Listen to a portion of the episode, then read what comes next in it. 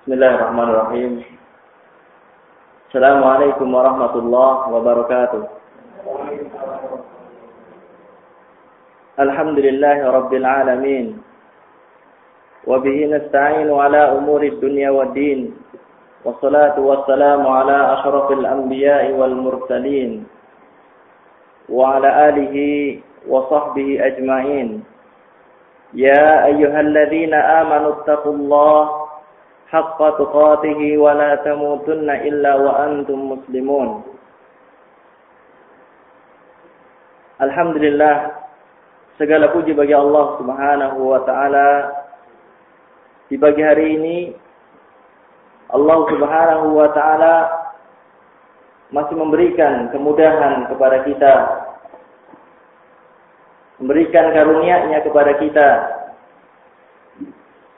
untuk bisa senantiasa mensyukuri nikmat-nikmatnya yang begitu banyak yang tidak terhitung dan tidak terbilang nikmat yang kita rasakan dari Allah Subhanahu wa taala. Allah Subhanahu wa taala telah menyebutkan tentang nikmatnya yang begitu banyak kepada umat manusia. Allah taala berfirman, "Wa atakum min kulli ma sa'altumuh wa in ta'uddu ni'matallahi la tuhsuha. Innal insana lazalumun kafar Allah Subhanahu wa taala berfirman wa atakum min kulli ma sa'altumuh dan telah diberikan kepada kalian segala apa yang kalian minta Kemudian Allah Subhanahu wa taala menyebutkan wa in ta'uddu ni'matallah la tuhsuha. Jika kalian mau menghitung nikmat Allah la tuhsuha. Kalian tidak bisa untuk menghitungnya. Karena di, kar, dikarenakan saking banyaknya nikmat yang kita rasakan. Semenjak kita mulai merupakan cikal bakal manusia di dalam rahim seorang ibu dari saat itulah kita mendapatkan curahan nikmat Allah. Ketika Allah Subhanahu wa taala membentuk manusia awal mulanya dari setetes air berubah menjadi segumpal darah berubah lagi menjadi segumpal daging maka dari saat itulah Allah Subhanahu wa taala mulai memberikan nikmatnya kepada seorang hamba. Dan setiap manusia yang hidup di alam dunia ini melalui tingkatan-tingkatan semacam ini, semuanya. Tidak ada orang yang hidup di dunia ini langsung jelas ada di alam dunia. Tetapi melalui marhalah, melalui tingkatan proses perkembangan, janin dalam rahim seorang ibu. Allah Subhanahu wa taala menyebutkan wa in ta'uddu ni'matallah. Jika kalian mau menghitung nikmat Allah la tuhsuha. Tidak mampu untuk menghitungnya. Untuk menyebutkan ini nikmat Allah yang pernah saya rasakan. Yang lainnya lagi ini. Yang lainnya lagi ini tidak akan mampu seorang untuk menyebutkannya Para ulama menyebutkan, para ulama tafsir menyebutkan tentang ayat ini. Di antaranya Syekh Abdurrahman bin Nasir As-Sa'di beliau mengatakan, "Fadlan an qiyamikum bisyukriha."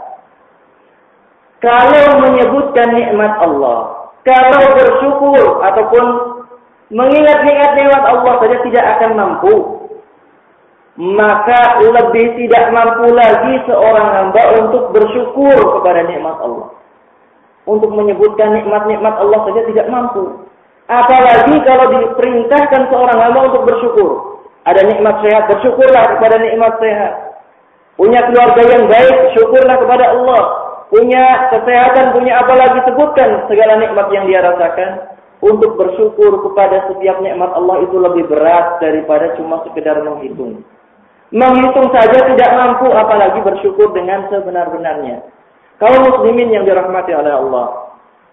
Alhamdulillah segala puji bagi Allah.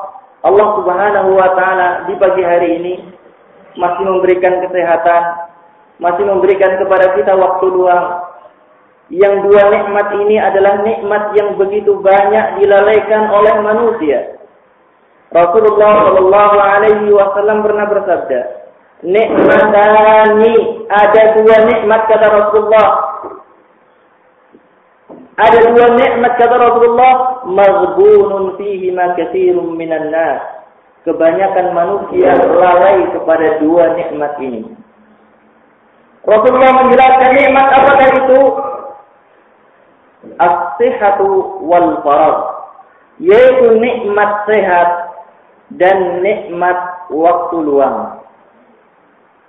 Kesehatan yang ada dalam diri seorang hamba, seorang manusia akan dia nilai berharga kapan? Ketika dia sedang sakit, waktu luang yang dia miliki akan dia rasakan itu sebagai nikmat.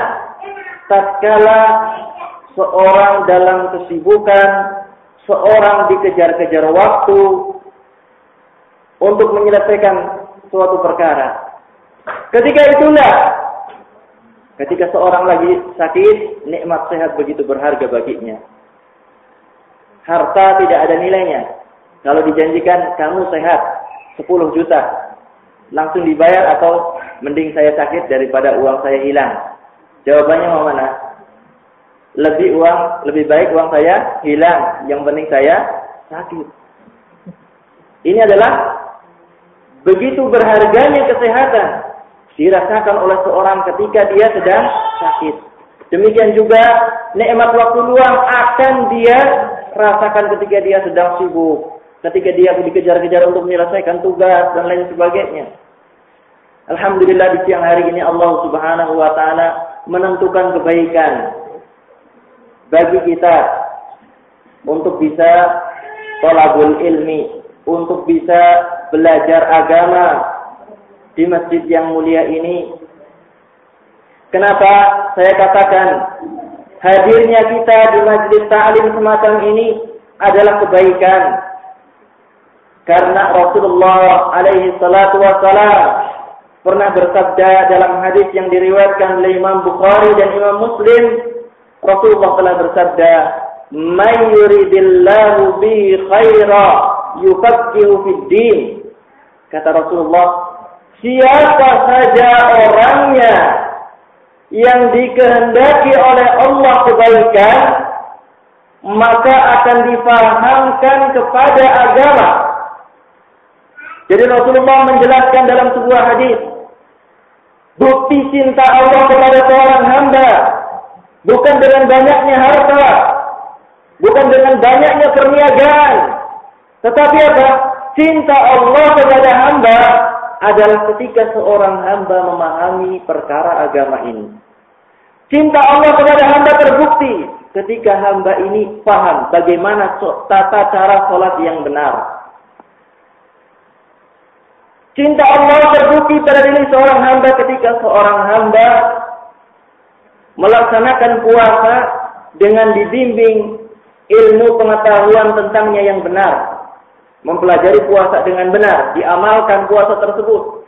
Demikian juga syariat-syariat yang lain. Jadi jangan pernah tertipu. Kalau seandainya sekarang kita mendapatkan nikmat dari Allah, kehidupan kita sudah tercukupi Kemudian apa? Kita diberikan kesehatan oleh Allah Subhanahu wa taala. Jangan pernah tertipu. Inilah cinta Allah kepada kita. Jangan sampai mengatakan semacam itu. Tetapi cinta Allah kepada seorang hamba yang kaya ataupun yang miskin standarnya adalah apa? Pemahaman kepada agama sebagaimana dalam hadis yang saya sebutkan tadi.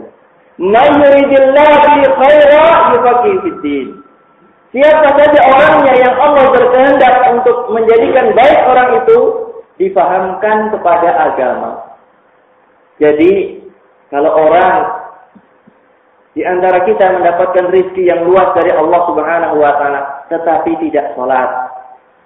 Orang yang dia memiliki usaha yang sangat luar biasa, setiap orang iri melihatnya. Tetapi dia tidak puasa, tetapi dia tidak melaksanakan kewajiban-kewajiban yang lain, jangan terkecoh.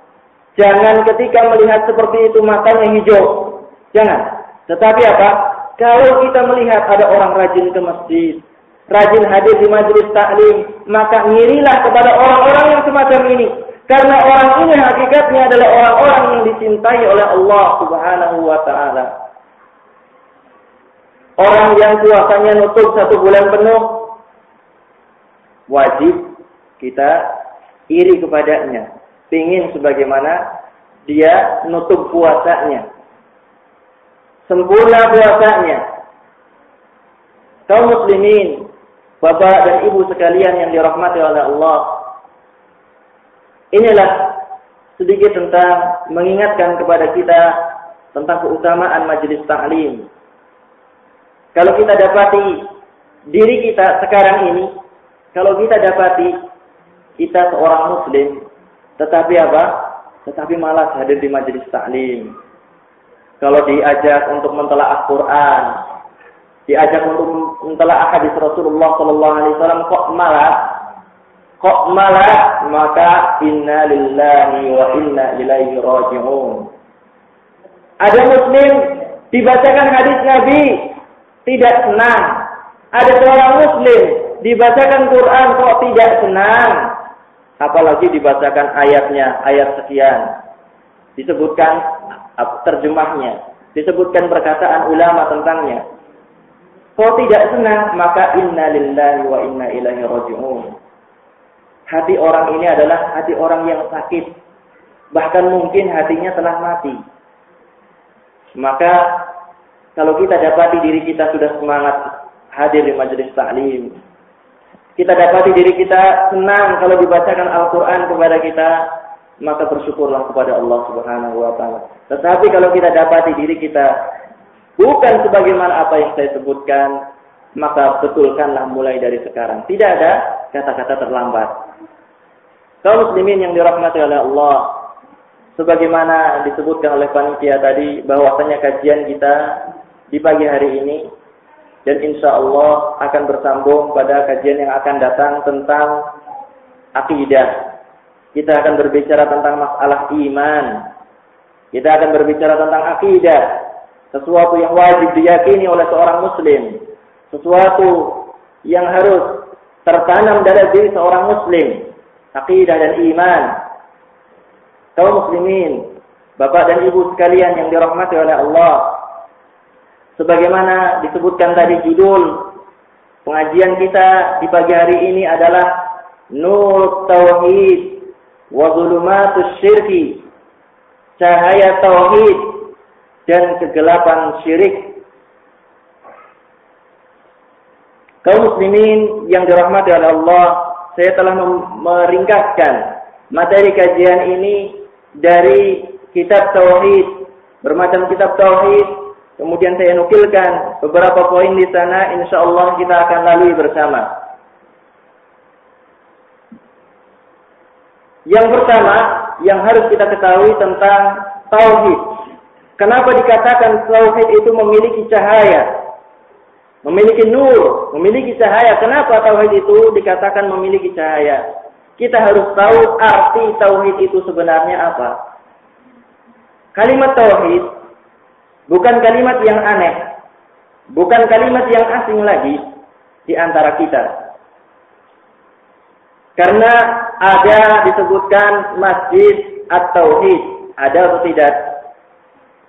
Ada pesantren Darut Tauhid, ada buletin At-Tauhid, Majlis Taklim Tauhid pun ada. Jadi kalimat tauhid bukan sesuatu yang aneh. Bukan sesuatu yang asing lagi di telinga kita, masyarakat Indonesia ini. Arti dari tauhid secara umum, arti tauhid secara umum adalah ifradullahi subhanahu wa ta'ala bima yahtassu bihi min uluhiyatihi wa rububiyyatihi wa asma'ihi wa sifatihi. Sekarang kita lihat terjemahannya. Tauhid artinya adalah ifradullah subhanahu wa ta'ala. Meyakini keesaan atau kemahatunggalan Allah subhanahu wa ta'ala. Bima yahtassu. Pada apa-apa yang merupakan itu kekhususan bagi Allah. Tauhid adalah meyakini keesaan atau kemahatunggalan Allah Subhanahu wa taala pada perkara-perkara yang itu merupakan kekhususan Allah.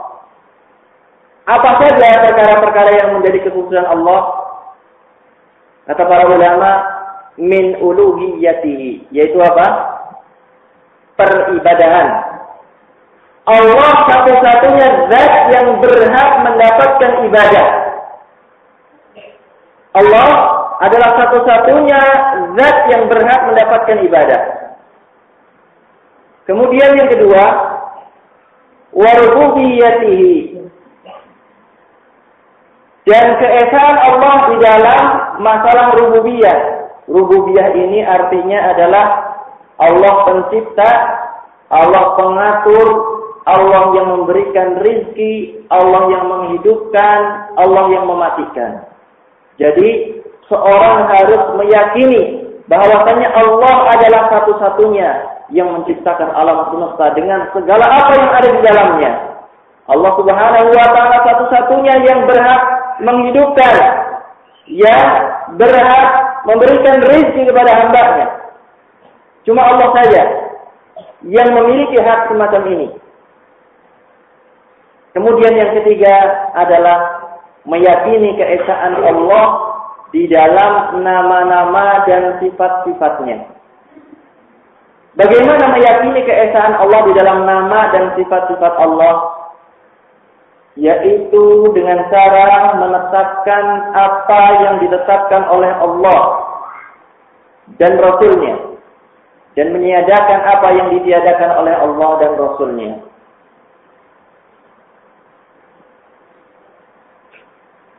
Kaum muslimin yang dirahmati oleh Allah, ini arti dari tauhid.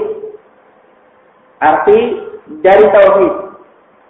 Kemudian kita akan mengetahui Rasulullah alaihi salatu wassalam disebutkan beliau senantiasa mendakwahkan kepada tauhid. Kepada tauhid yang manakah? Di antara tiga tauhid ini Rasulullah berdakwah. Apakah Rasulullah mengingatkan orang-orang musyrik, mengingatkan Abu Jahal, mengingatkan Abu Lahab dan orang-orang musyrik di Makkah untuk meyakini bahwasanya Allah satu-satunya pencipta, bahwasanya Allah satu-satunya yang menghidupkan. Atau Rasulullah SAW datang ke tengah-tengah mereka menyerukan untuk beribadah hanya kepada Allah saja? Jawabannya yang mana? ikut di kajian ini atau masih di luar? Rasulullah Shallallahu Alaihi Wasallam datang ke kaum musyrikin di mana? Berjalan pertama kali Rasulullah di kota Makkah. Apakah Rasulullah mendakwai Abu Jahal, mendakwai Abu Lahab dengan mengatakan, yakinilah bahwasanya satu-satunya pencipta adalah Allah. Yakinilah bahwasanya satu-satunya yang menghidupkan, yang mematikan adalah Allah semacam ini ataukah jawabannya yang lain? Ataukah seperti ini? Rasulullah mengajak kaum musyrikin untuk beribadah hanya kepada Allah, tidak beribadah kepada berhala. Yang mana yang pertama atau yang kedua? Dakwahnya Rasulullah belum nyambung. Dakwahnya Rasulullah Shallallahu Alaihi Wasallam itu tidak mengajak orang musyrik meyakini Allah pencipta, Allah pemberi rezeki. Karena mereka sudah meyakini namanya Abu Jahal, Abu Lahab, dan orang-orang yang semisalnya, mereka semua yakin kalau pencipta alam semesta ini Allah.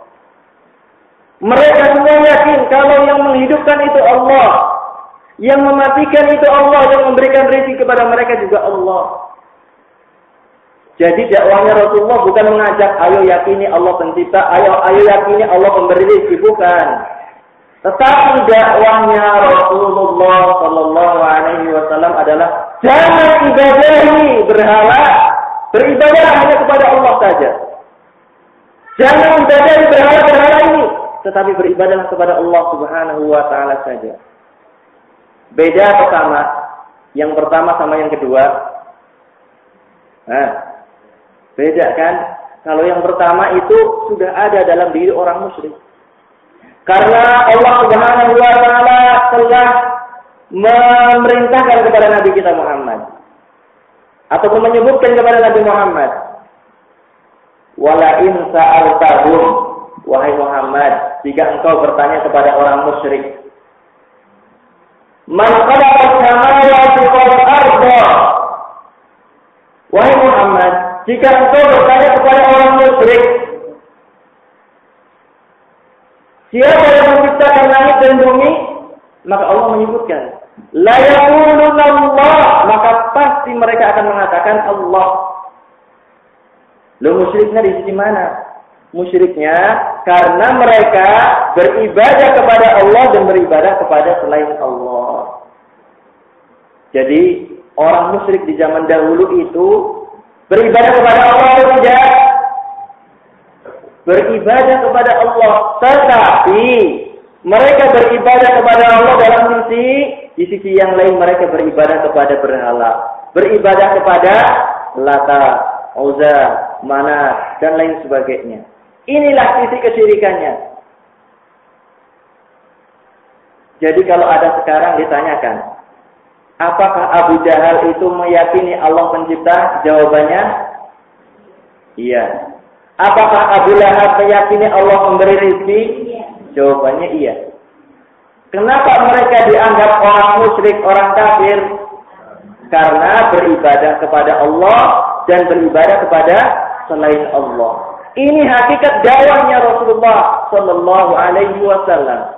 Jadi ini hakikat tauhid, yaitu meyakini kemahatunggalan Allah Subhanahu Wa Taala dalam peribadatan. Seorang mempersembahkan sholatnya, penyembelihannya, zakatnya, puasanya hanya bagi Allah semata. Sebagaimana Allah telah menyebutkan, Kul inna salati wa nusuki wa mahyaya wa mamati lillahi rabbil alamin. Katakanlah, inna salati sesungguhnya salatku, wa nusuki dan penyembelihanku, wa mahyaya dan kehidupanku, wa mamati dan matiku. Untuk siapa? Semua yang ada dalam diri kita lillahi rabbil alamin adalah hanya bagi Allah Subhanahu wa taala Rabb semesta alam ini. Insya Allah jelas inilah hakikat tauhid yang diajak oleh Rasulullah kepadanya.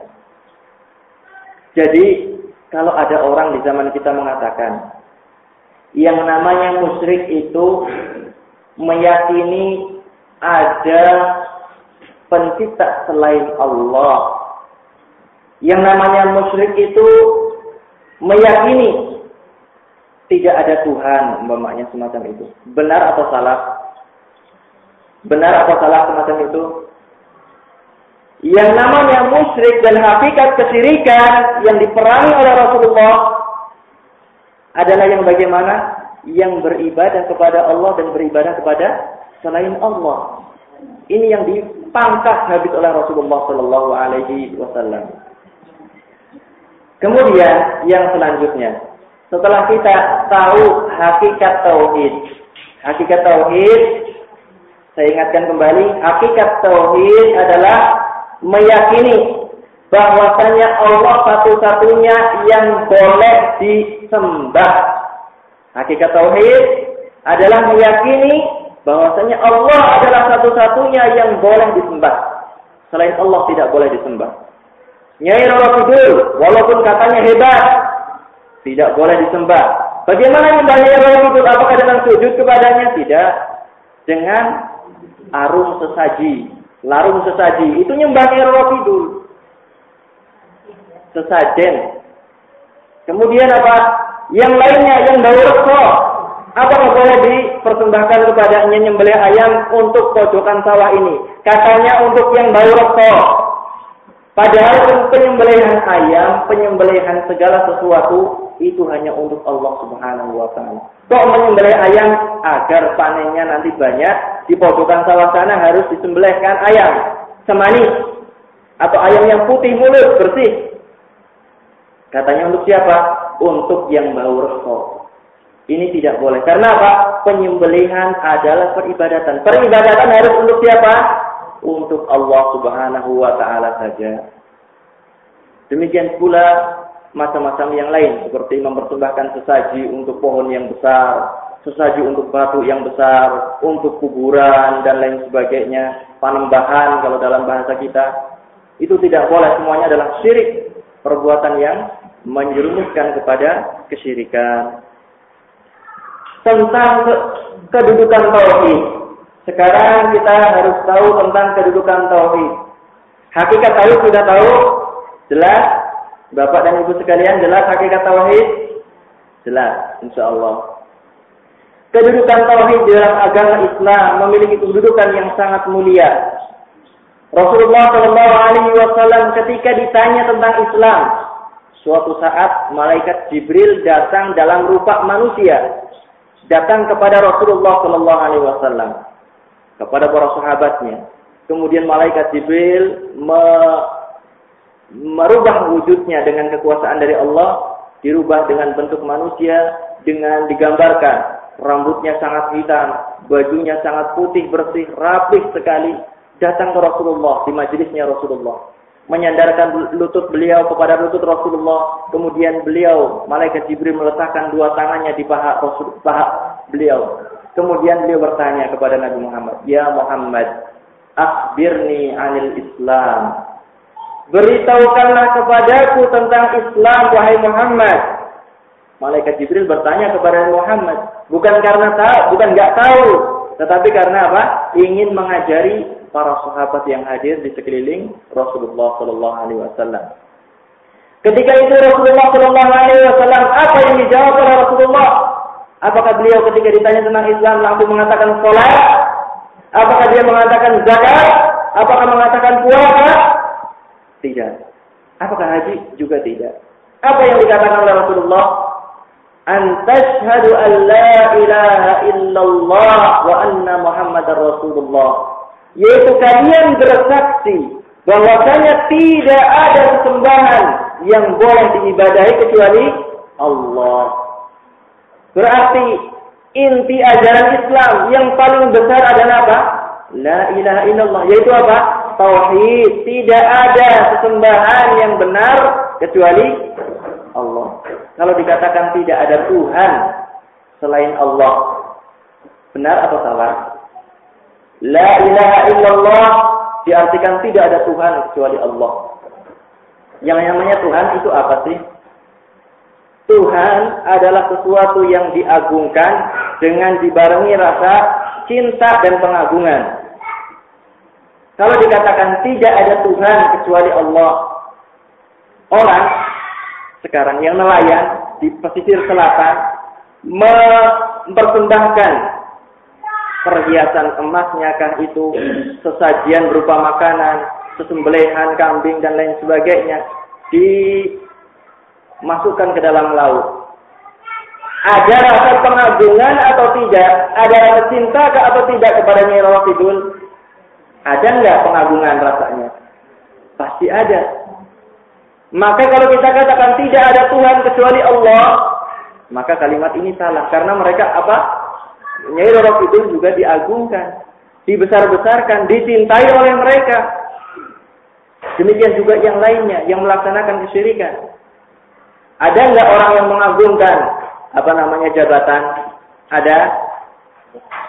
Mencintai jabatan maka ada istilah mempertuhankan tahta, mempertuhankan wanita.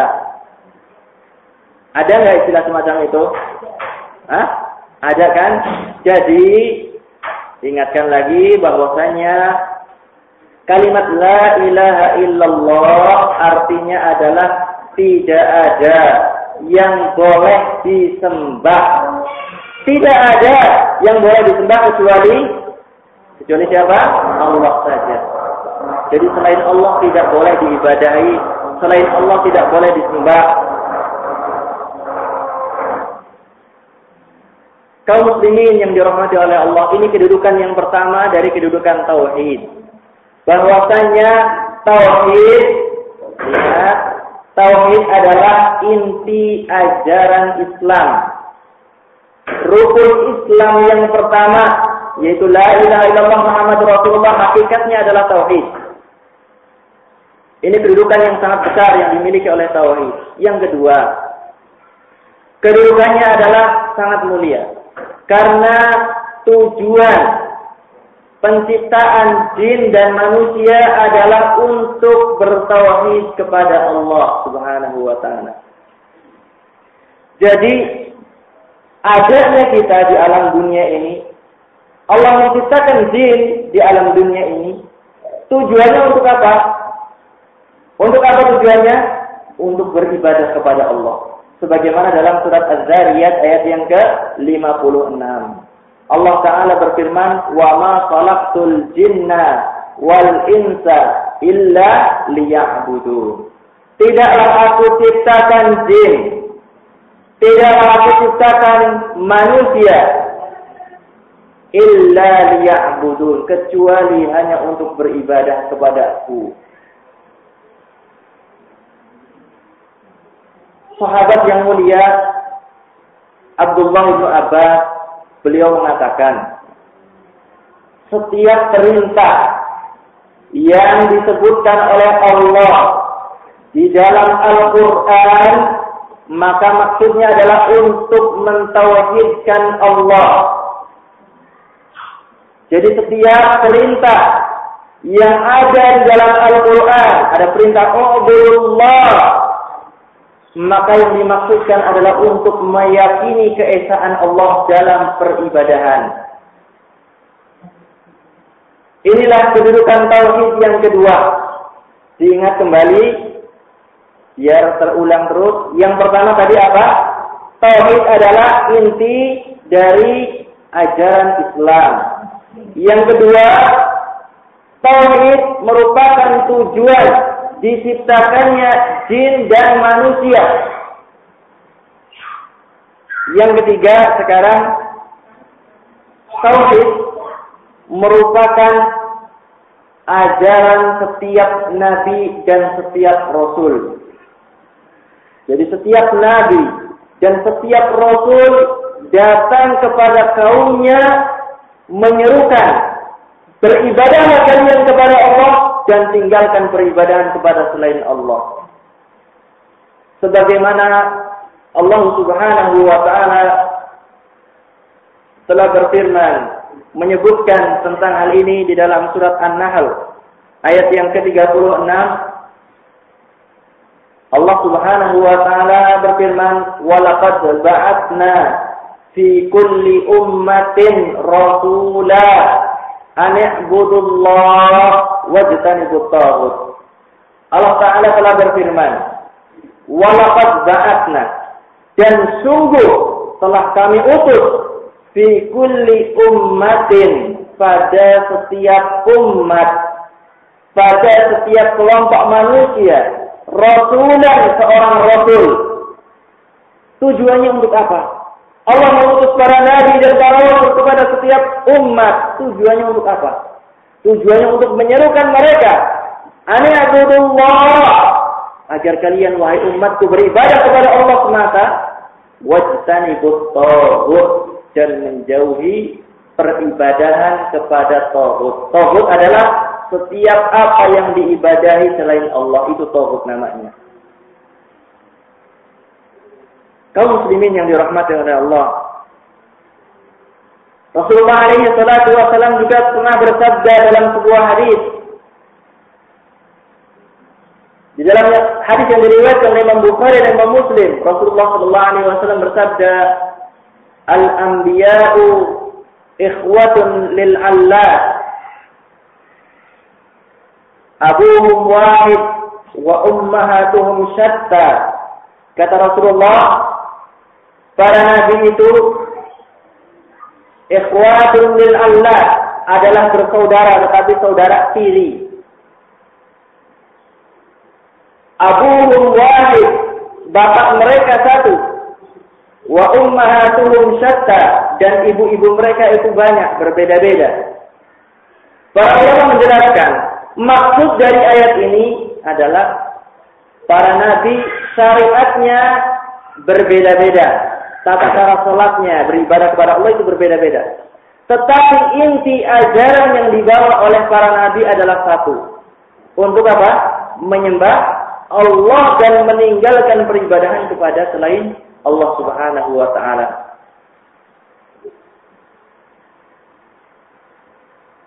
Ini adalah keutam apa kedudukan tauhid dalam agama Islam. Ada berapa tadi yang saya sebutkan? Hah? Empat atau lima? Tiga. Yang saya sebutkan itu tiga. Empat atau lima? Jawabannya tiga. Yang perhatikan akan tahu. Yang pertama apa tadi? Tauhid adalah inti ajaran Islam. Yang kedua, tauhid adalah tujuan penciptaan jin dan manusia. Yang ketiga, tauhid merupakan dakwah yang diserukan oleh seluruh nabi dan seluruh rasul. Tidak ada nabi, tidak ada rasul melainkan berdakwah kepada kalimat tauhid ini. Sekarang sudah tahu kedudukan dalam agama Islam sangat mulia sekali. Sekarang kita akan sebutkan cahaya-cahaya tauhid. Karena kita sudah tahu hakikatnya, kedudukannya sangat mulia dalam agama Islam. Kita akan berikan semangat agar apa? Kita cinta kepada kalimat tauhid ini. Yaitu apa? Tentang keutamaan-keutamaan bagi ahli tauhid. Bagi orang-orang yang bertauhid. Bagi orang-orang yang tidak beribadah. Kecuali hanya kepada Allah. Keutamanya sangat banyak di antaranya. Yang pertama. Keutamaan ahli tauhid. Yang pertama adalah mereka akan mendapatkan jaminan dari Allah Subhanahu wa taala berupa hidayah di dunia ini dan nanti di akhirat akan diberikan ketenangan. Jadi orang yang bertauhid di dunia ini akan mendapatkan petunjuk hidayah dari Allah dan di akhirat akan mendapatkan rasa aman dan tenang ketika manusia semuanya takut menghadapi apa? alam akhirat. Ketika menghadapi pada mahsyar semua orang takut. Tetapi ahli tauhid diberikan kekuatan oleh Allah Subhanahu wa taala sehingga dirinya merasa tenang. Yang pertama ini yang pertama. Dalilnya dari mana? Dari firman Allah Subhanahu wa taala di dalam surat Al-An'am ayat yang ke-82 Yang nyadat nanti tolong dilihat di rumah masing-masing. Di surat Al-An'am ayat yang ke-82. Allah Subhanahu wa taala telah berfirman, "Alladzina amanu wa lam yalbisu imanahum bidzulmin ulaika lahumul amnu wa hum muhtadun." Allah Taala berfirman, alladzina amanu orang-orang yang beriman walam yalbisu imanahum bidzulmin yang tidak mencampurkan keimanannya dengan kezaliman. Kezaliman di sini artinya adalah kesyirikan, yaitu orang-orang yang bertauhid, beriman kepada Allah dan tidak mencampurkan iman yang tertanam dalam dirinya ini dengan apa? Dengan syirik Syirik bukan syirik iri bahasa kita. Saya punya mobil baru, orang pada syirik sama saya. Saya punya rumah baru, syirik sama saya. Bukan ini. Nanti kita akan jelaskan tentang syirik. Bagian kedua insya Allah.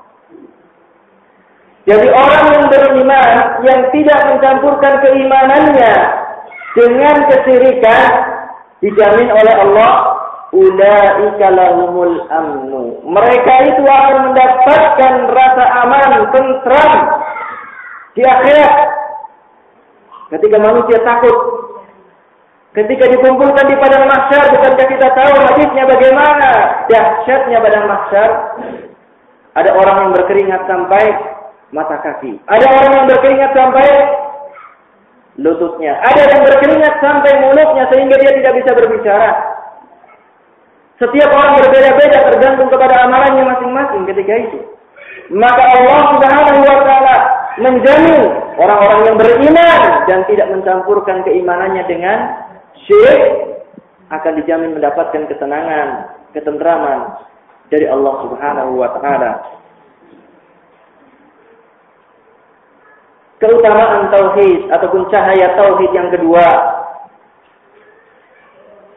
adalah orang-orang yang bertauhid dijamin oleh Allah akan mendapatkan hayatun thayyibah, akan mendapatkan kehidupan yang baik di dunia ini dan amalnya akan dinilai, akan diganjar oleh Allah Subhanahu wa taala di akhirat nanti. Dalilnya adalah firman Allah Subhanahu wa taala di dalam surat An-Nahl ayat yang ke-97. Allah Subhanahu wa taala berfirman, "Man 'amila salihan min dzakarin aw unsa wa huwa mu'minun falanuhyiyannahu hayatan thayyibah wa lanajziyannahum ajrahum bi ahsani ma kanu ya'malun." Allah Ta'ala berfirman, Man amila salihan. Siapa saja yang melakukan amalan saleh. Siapa saja yang beramal dengan amalan saleh. Min zakarin au unsa. Baik laki-laki ataupun perempuan. Balasannya apa? Falanuhyiyannahu hayatan tayyibah maka akan diberikan kepadanya kehidupan yang baik. Orang yang beramal soleh, didasari dengan iman, akan diberikan kehidupan yang baik. Kalau ada orang mungkin bertanya, saya sudah sholat selama 20 tahun, ternyata saya masih sengsara. Saya sudah Islam mulai dari kecil, kenapa saya kehidupannya masih melarat? Kenapa penghasilan saya belum pernah lebih dari satu juta dalam satu bulan? Dari pertama saya kerja, sudah 15 tahun kerja, penghasilan kok di bawah satu juta terus. Katanya orang yang beriman dan beramal soleh akan diberikan kehidupan yang baik. Yang seperti apakah kehidupan yang baik itu? Maka para ulama menjelaskan kehidupan yang baik itu adalah kehidupan yang dibangun di bawah naungan Al-Quran dan Sunnah. Bukan mewahnya dunia sebagai ukuran. Bukan banyaknya harta sebagai ukuran. Tetapi yang menjadi ukuran adalah ketika seorang muslim hidup di bawah naungan Al-Quran. Undang-undang yang telah dibuat oleh Allah dan sunnah Rasulullah Sallallahu Alaihi Wasallam, maukah itu orang miskin, maukah itu orang kaya, maka dia adalah mendapatkan kehidupan yang baik. Jadi tidak ada istilah lagi sekarang saya sholat sudah sedemikian lama. Yang wajib, yang sunnah. Saya puasa yang wajib saya kerjakan. Sunnah demi saya kerjakan. Kok saya masih miskin katanya janjinya mau dimudahkan. Hidup yang baik. Hidup yang baik standarnya adalah bukan dengan banyaknya harta. Tetapi dengan apa? Dengan kesesuaian kita. Apakah sesuai dengan Quran? Apakah sesuai dengan sunnah? Atau tidak? Ini standar hidup yang baik. Kaum muslimin yang dirahmati oleh Allah. Inilah keutamaan tauhid ataupun cahaya tauhid yang kedua. Kemudian yang ketiga, ahli tauhid atau ahli tauhid dijamin pasti masuk surga. Apakah saya perlu mengutarakan insya Allah Saya tidak. Karena ini berupa janji dari Allah dan Rasulnya. Sebagaimana para ulama ketika menjelaskan kitab akidah, ketika mereka menjelaskan tentang keutamaan tauhid, bahwasanya orang yang bertauhid ini akan masuk surga, mereka mengatakan pasti. Karena apa? Karena Allah yang dan Rasulnya yang berjanji. Tetapi kalau dari segi manusianya, maka dilihat kepada pribadi masing-masing. Allah berjanji pasti menepati janjinya. Rasulullah berjanji pasti memenuhi janjinya. Tetapi apa? Apakah orang yang di dunia ini tidak bertahu, apa namanya bertahu kemudian pasti masuk surga? Karena apa? Kita lihat kepada pribadi masing-masing. Dilihat kepada apa yang ada dalam diri orang tersebut. Dalilnya adalah sebagaimana telah disabdakan oleh Rasulullah Sallallahu Alaihi Wasallam dalam hadis yang diriwayatkan oleh Imam Bukhari dan Imam Muslim. Rasulullah Sallallahu Alaihi Wasallam memberikan jaminan kepada orang yang bertauhid. Rasulullah bersabda, "Man syahida alla ilaha illallah." Siapa saja yang bersaksi bahwasannya tidak ada sesembahan yang benar kecuali Allah wa anna Muhammadan abduhu wa rasuluh dan bahwasanya Nabi Muhammad adalah hamba dan utusan Allah. Wa anna Isa Abdullah wa rasuluh dan bahwasanya Isa itu adalah hamba Allah dan utusannya. Wal jannata haq wan nar haq dan juga bersaksi meyakini bahwasanya surga dan neraka itu benar adanya maka jaminannya dikatakan Rasulullah sallallahu alaihi wasallam adkhalahu Allahul jannata ala ma kana minal amal Allah akan memasukkan orang tersebut ke dalam surga bagaimanapun amalannya. Dengan syarat mengimani lima hal dalam hadis ini.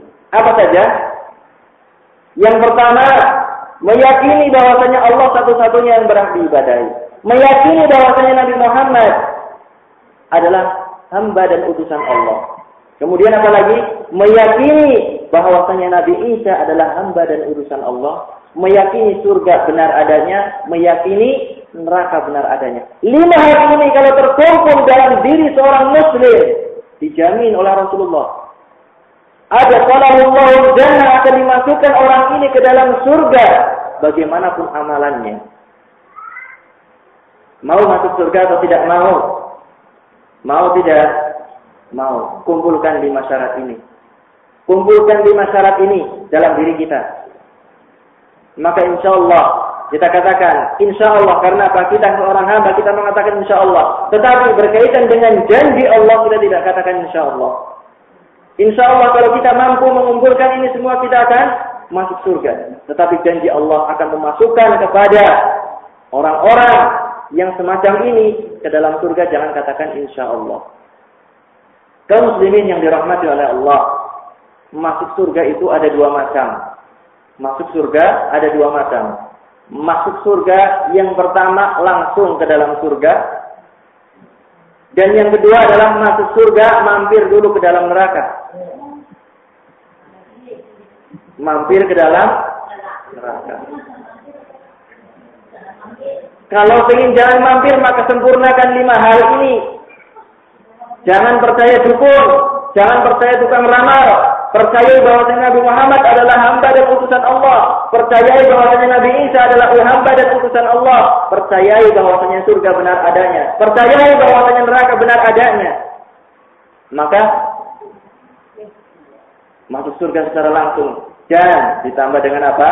Jangan melaksanakan maksiat-maksiat kepada Allah Subhanahu wa taala. Gambarannya, orang yang masuk surga secara langsung adalah orang-orang yang tauhidnya sempurna, imannya sempurna. Kemudian apa? Dia tidak melakukan dosa-dosa. Yang kedua gambarannya orang yang masuk surga tetapi apa? Mampir dulu ke dalam neraka kemudian mendapatkan syafaat dari Rasulullah ataupun syafaat dari malaikat ataupun syafaat daripada syuhada akan dikeluarkan dari neraka. Yang seperti apa? Yang dia tidak berbuat syirik tetapi mungkin masih berbuat dosa besar. Dia tidak apa namanya? Nyupang tahu nyupang. Nyupang dia tidak nyupang. Kemudian apa? Dia tidak mempersembahkan sajen dia tidak mempersembahkan atau menggunakan jimat. Syiriknya sudah tidak ada tapi apa? Masih judi. Masih minum minuman keras, imannya masih benar kepada Allah, tidak berbuat syirik, tetapi apa? Dia masih berbuat dosa besar. Ngerasani Nah, ngerasani bener. Kalau ngerasani sayur nggak apa-apa, sayur di di TV. Tetapi ngerasani seolah-olah jadi bumbu sekarang di zaman kita sekarang ini jadi bumbu untuk pembicaraan, nggak asik. Kalau pengajian cerita seperti ini, seperti ini, seperti ini, banyak yang nunduk-nunduk semacam ini, ngantuk. Tetapi kalau di majelis ngerasani, oh masya Allah indahnya dunia, Kayaknya yang lemah sekali itu pun langsung bangun. Percaya apa enggak? Silahkan saja buktikan. Ketika sedang ngerasani orang lain, subhanallah, semangatnya. Tetapi kalau taklim, pulpanya di sini, loh, tadi saya nulis apa? Kok coret-coret saja ternyata? Gak nulis ternyata. Tetapi apa? Cuma coret-coret saja. Karena apa? Tangannya semangat nulis, matanya enggak semangat. Kaum muslimin yang dirahmati oleh Allah. Jaminan yang keempat. Cahaya tauhid yang keempat. Ingat-ingat nanti diulang lagi. Cahaya tauhid yang keempat. Apa? Sekarang saya sebutkan. Ahli tauhid dijamin dibebaskan dari api neraka melalui lisan Rasulullah Shallallahu Alaihi Wasallam. Orang yang bertauhid dijamin terbebas dari api neraka. Dalam hadis yang diriwayatkan oleh Imam Bukhari dan Imam Muslim, Rasulullah Shallallahu Alaihi Wasallam bersabda, perhatikan hadisnya ini adalah hadis yang sangat mulia sekali. Fa inna Allah harrama 'ala an-nari man man qala la ilaha illallah yabtaghi bidzalika wajh Allah. Kata Rasulullah, maka sesungguhnya Allah mengharamkan masuk neraka. Siapa yang diharamkan masuk neraka? Man qala la ilaha illallah. Yang mengucapkan la ilaha illallah yabtaghi bidzalika wajh Allah. Tetapi dengan syarat ikhlas. Mengucapkan kalimat la ilaha illallah dengan ikhlas Bukan disyaratkan banyaknya tidak. Tetapi disyaratkan ikhlas dalam mengucapkannya dan mengerti mananya. Tahu makna la ilaha illallah. Jangan mengucapkan dalam sehari, saya sudah punya perjanjian dengan kiai saya umpamanya 100 ribu sehari. Kemudian yang penting saya mengucapkan saja. Sampai bergoyang kanan, goyang kiri. Tetapi apa ketika ditanyakan? jimat masih ada. Nyajen paling sregep. Ya percuma saja. Ribuan kali, ratusan ribu kali kalau diucapkan. Tetapi apa? Kalau masih datang ke marembahan, mbah pulau nyuwun niki, pulau badai gada hajatan.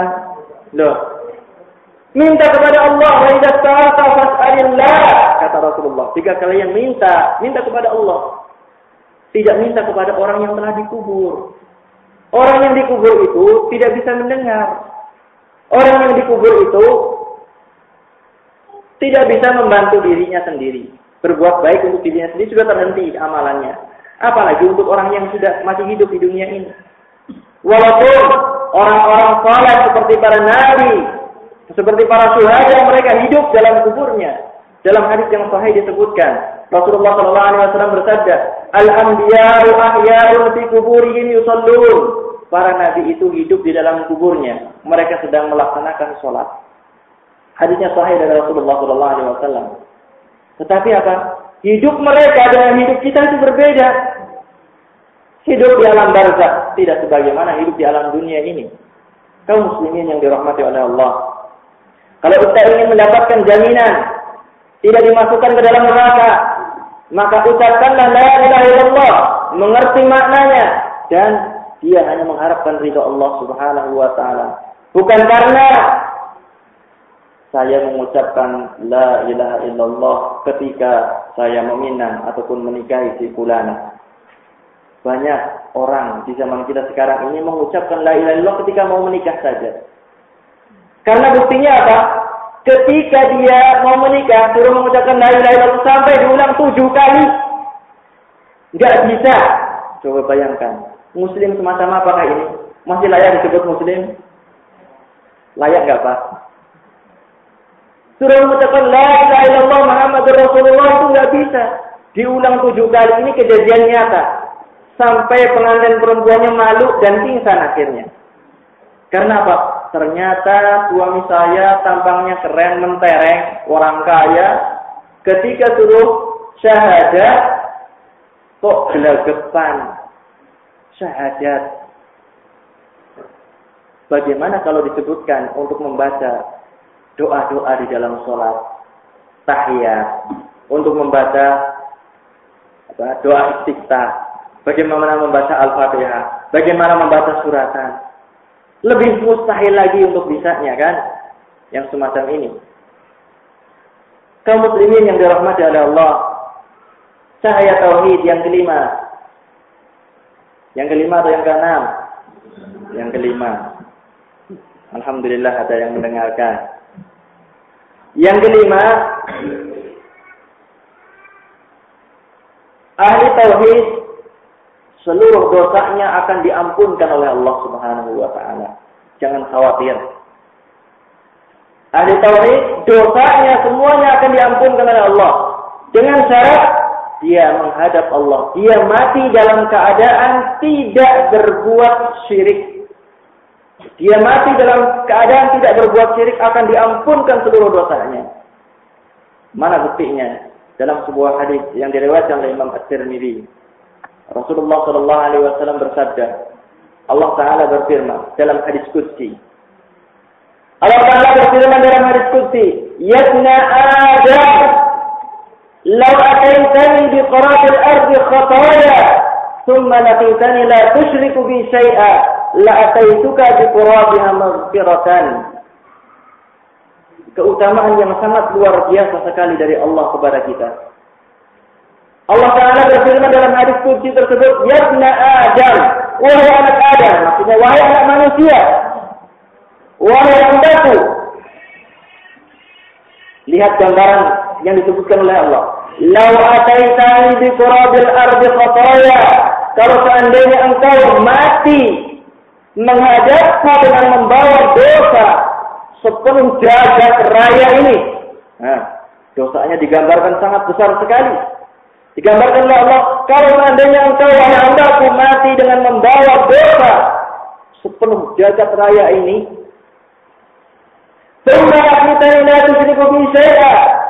yang engkau mati tidak membawa dosa syirik terhadapku, kata Allah, la ataituka bi qurabiha maghfiratan. Maka aku akan berikan kepadamu ampunan sebesar jagat raya ini juga apakah Allah bakhil kepada hambanya apakah Allah maha murah seorang hamba dia membawa dosa memanggil dosa sebesar jagat raya ini Jagat raya ini besarnya seberapa? Besar atau kecil? Tidak saja pulau Jawa belum keliling semuanya. Kalau kita sampai ujung pulau, kayaknya di luar Jawa. Kalau kita dari Batu Raden naik sedikit saja, kayaknya di Kalimantan. Padahal masih di Jawa, di Purwokerto, Purwokerto juga. Kok rasanya sangat luar sekali? Mungkin ada di antara bapak dan ibu yang belum pernah datang ke Kemeranjen. Belum kan? Enggak tahu kemerahannya di mana.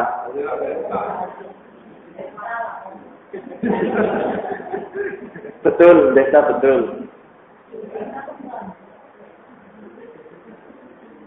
Jadi digambarkan oleh Allah tidak tanggung-tanggung. Seorang hamba mati membawa dosa sepenuh jagat raya ini.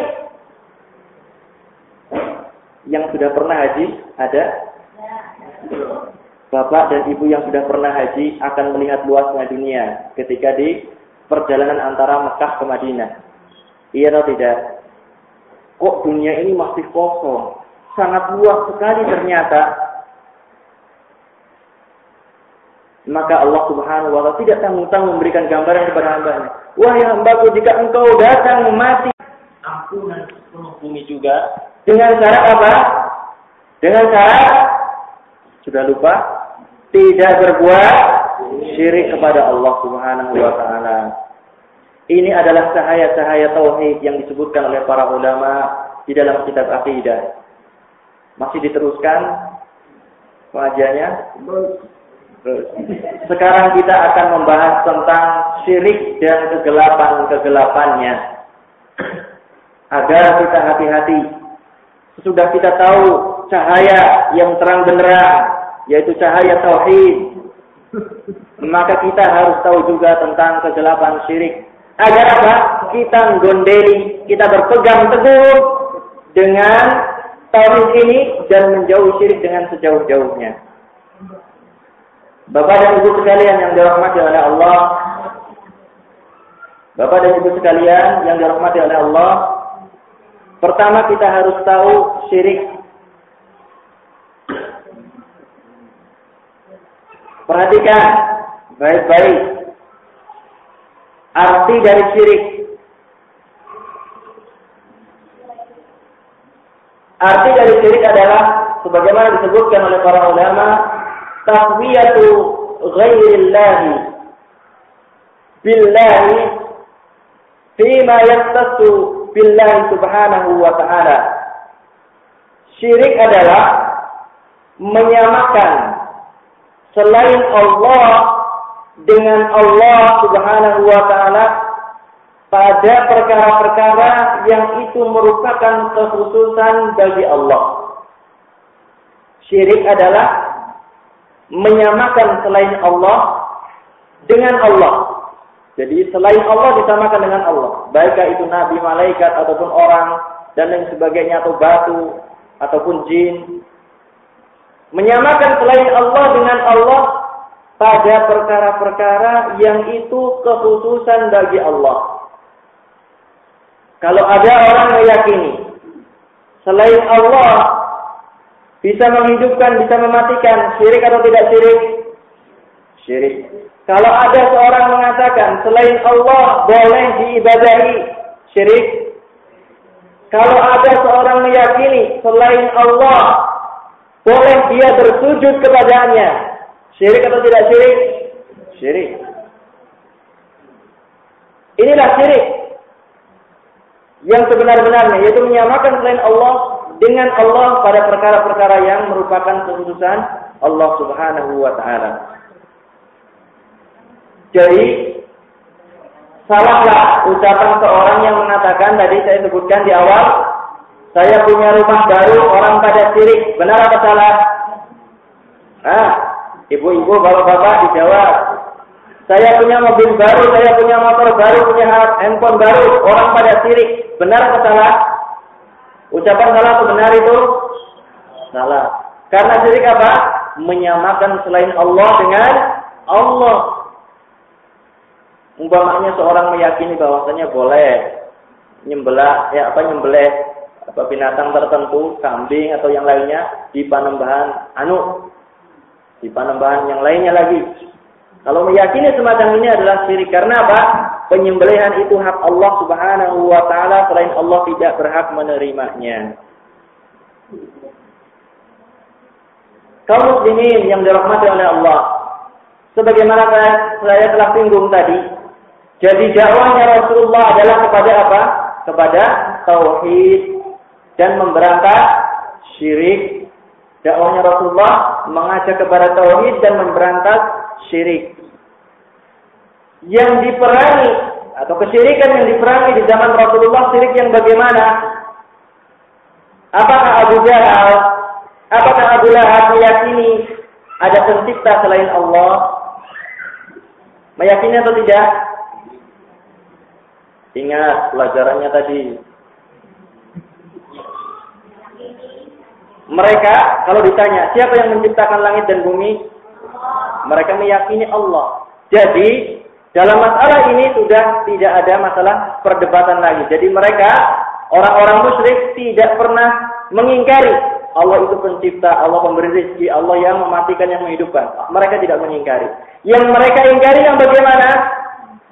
Ketika Rasulullah ayo beribadah kepada Allah saja, tinggalkan peribadahan kepada berhala. Ini yang diingkari oleh mereka. Dan ini hakikat kesyirikan yang ada di tengah kaum musyrikin zaman Rasulullah Sallallahu Alaihi Wasallam.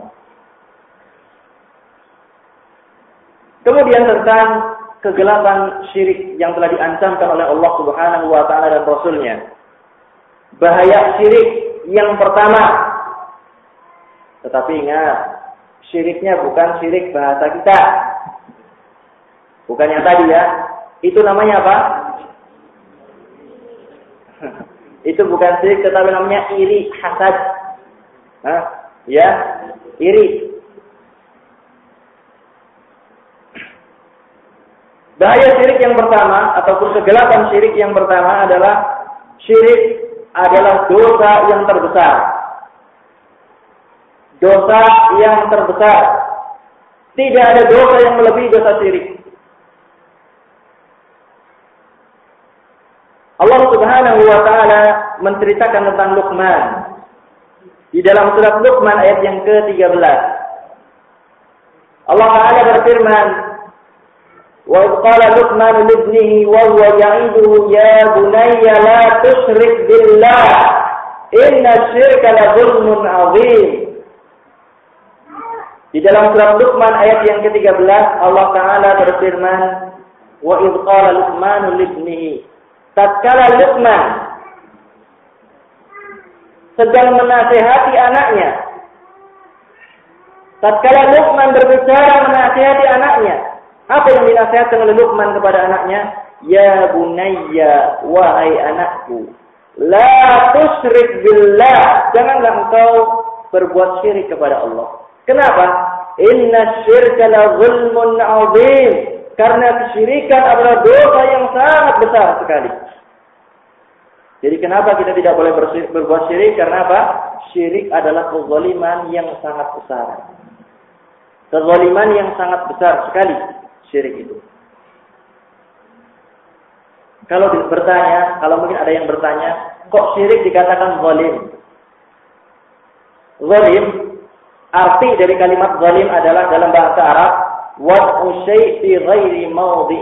Meletakkan sesuatu bukan pada tempatnya. Meletakkan sesuatu tidak pada tempatnya itu namanya zalim.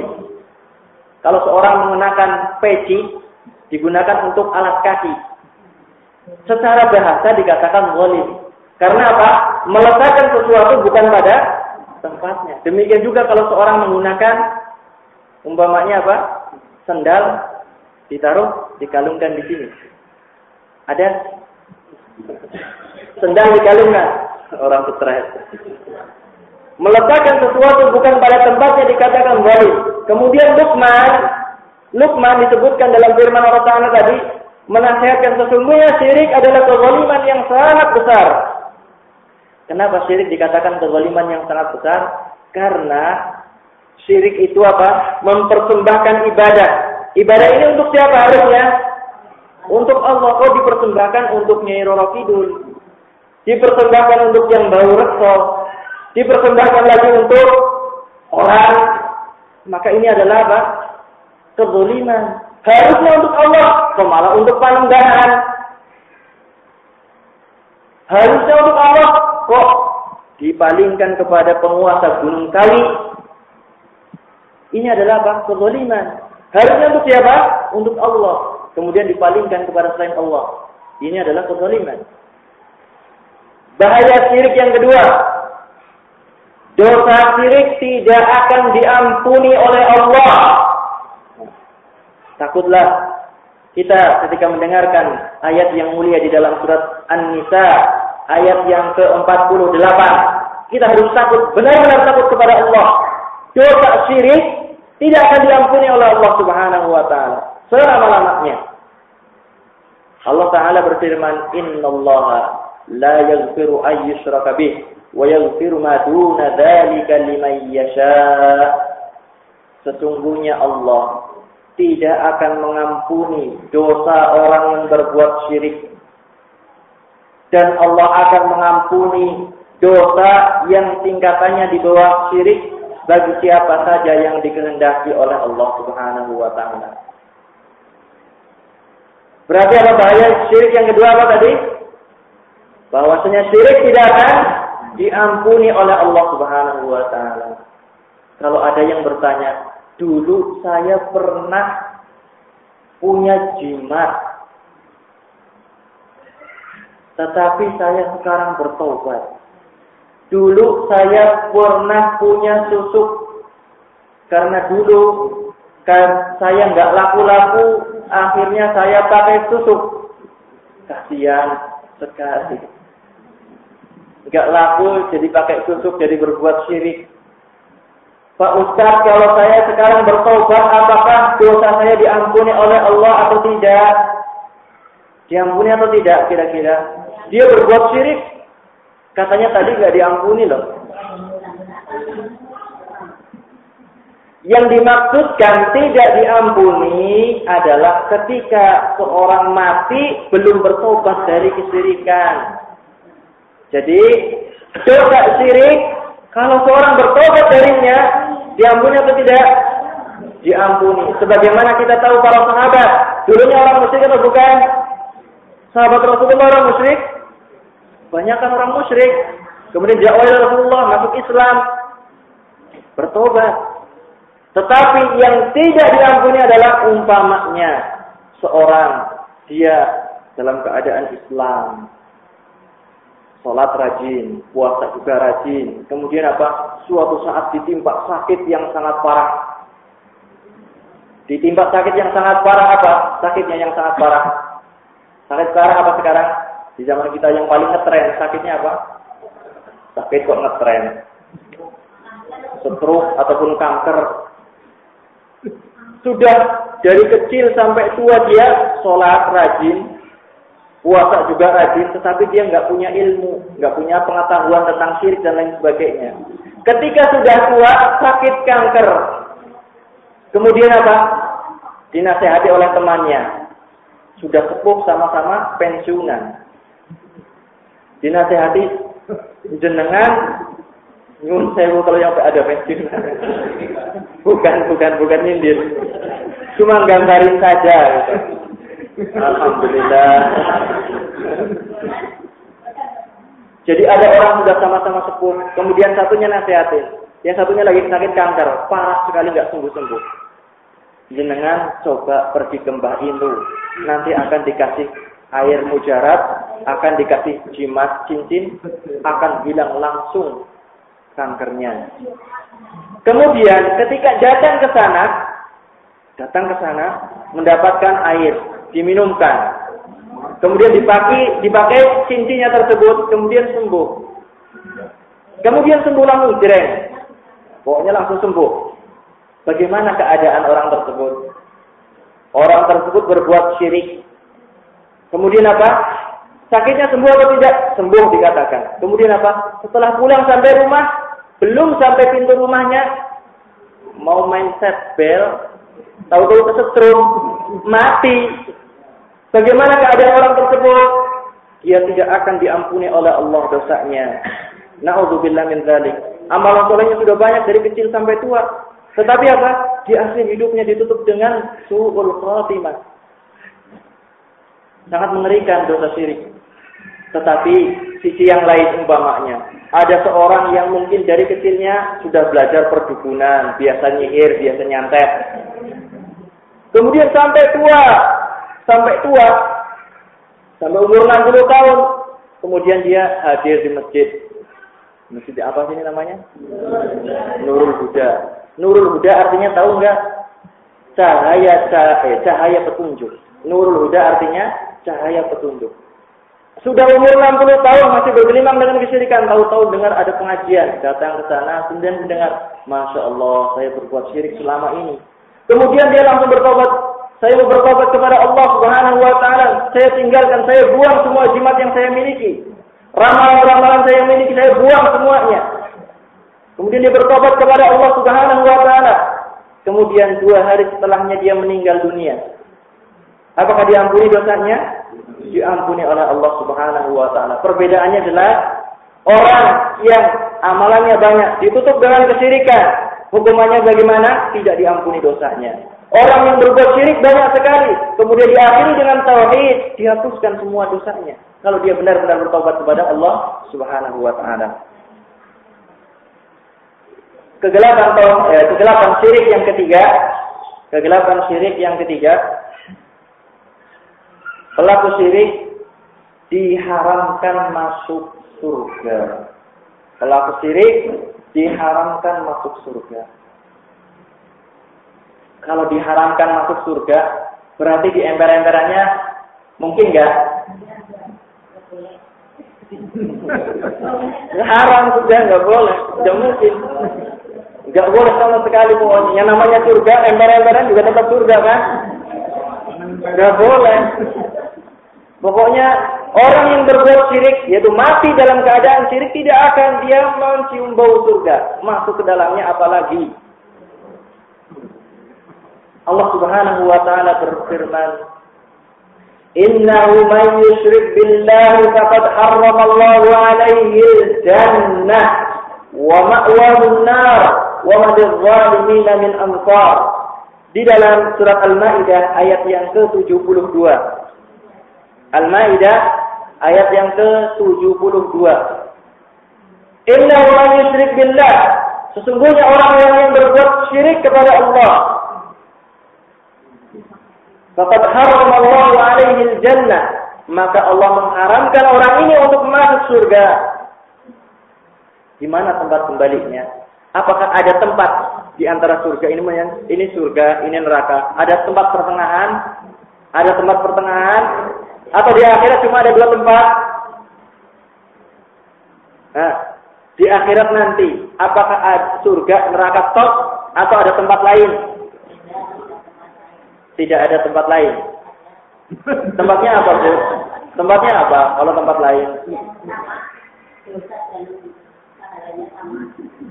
Itu bagi orang-orang ashabul a'raf saja. Tetapi mereka akhirnya juga dimasukkan ke dalam Surga atau neraka? Surga. Tetapi yang saya maksudkan, pilihan tempat di neraka itu tidak ada kecuali surga atau neraka. Orang yang berbuat syirik dikatakan haram masuk surga berarti masuk neraka. Wa nar dan tempat kembalinya adalah neraka. Wa ma dan tidak ada pertolongan bagi orang-orang yang berbuat zalim atau berbuat syirik. Kemudian yang keempat, bahaya syirik yang keempat. Atau yang terakhir insya Allah kesempatan kali ini. Bahaya syirik yang keempat, bahwasanya syirik akan menghapuskan seluruh amalan. Amal soleh yang dikerjakan. Kalau bercampur dengan syirik akan hapus amalan soleh tersebut. Kita perhatikan di dalam surat Al-An'am ayat yang ke-88. Allah Subhanahu wa taala di ayat yang sebelumnya, sebelum ayat 88 menyebutkan ada 18 nabi dan rasul disebutkan di sana. Ada 18 nabi dan rasul. Kemudian disebutkan di uh, apa penghujung ayat-ayat ini Allah Taala berfirman, "Walau asrafu" Kalau seandainya mereka para nabi dan para rasul berbuat syirik lahabita anhum ma kanu ya'malun akan sirna segala apa yang mereka amalkan. Lihat para nabi dan para rasul apakah ibadahnya sama seperti kita? Sama enggak? Jawabnya sama seperti kita nabi dan rasul? Nabi Nuh umurnya berapa tahun? 950 tahun. Dihabiskan dalam berdakwah menyuruh kepada tauhid. Dan nabi-nabi yang lainnya umurnya panjang-panjang tidak seperti umat Nabi Muhammad umurnya pendek. Disebutkan kalau mereka para nabi dan para rasul berbuat syirik akan dihilangkan amalan soleh mereka. Lalu bagaimana kita? Di dalam surat Az-Zumar ayat yang ke-65 Allah Taala berfirman tentang Nabi Muhammad. Lihat, toladan kita Nabi Muhammad sallallahu alaihi wasallam. La in asyrakta la yahbatanna amaluk. Allah Ta'ala berfirman kepada Nabi Muhammad, jika engkau berbuat syirik, maka akan hilanglah apa yang telah engkau perbuat ataupun amalkan. Nabi Muhammad yang sholat malam, kakinya sampai bengkak. Disebutkan oleh Aisyah radhiyallahu taala anha, hatta tatafattar qadamah sampai kedua kaki Rasulullah sallallahu alaihi wasallam itu bengkak karena apa? Salat malam. Umat Nabi Muhammad di zaman kita sekarang ini tidur malam sampai matanya bengkak. Kebalik, sama-sama bengkak.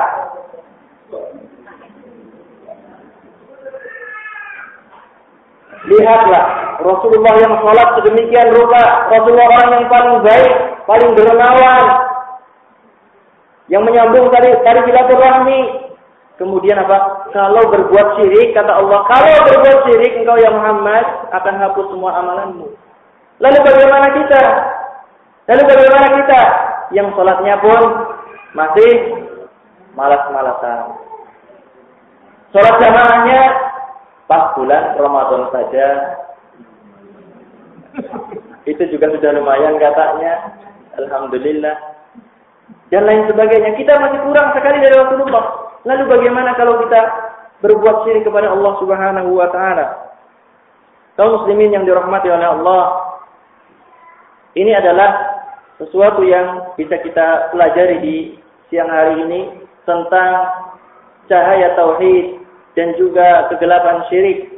Kesimpulan dari apa yang kita pelajari pada kesempatan kali ini, kali ini adalah kita wajib. Yang pertama adalah kita wajib takut terjerumus kepada kesyirikan karena ancamannya begitu dahsyat sekali.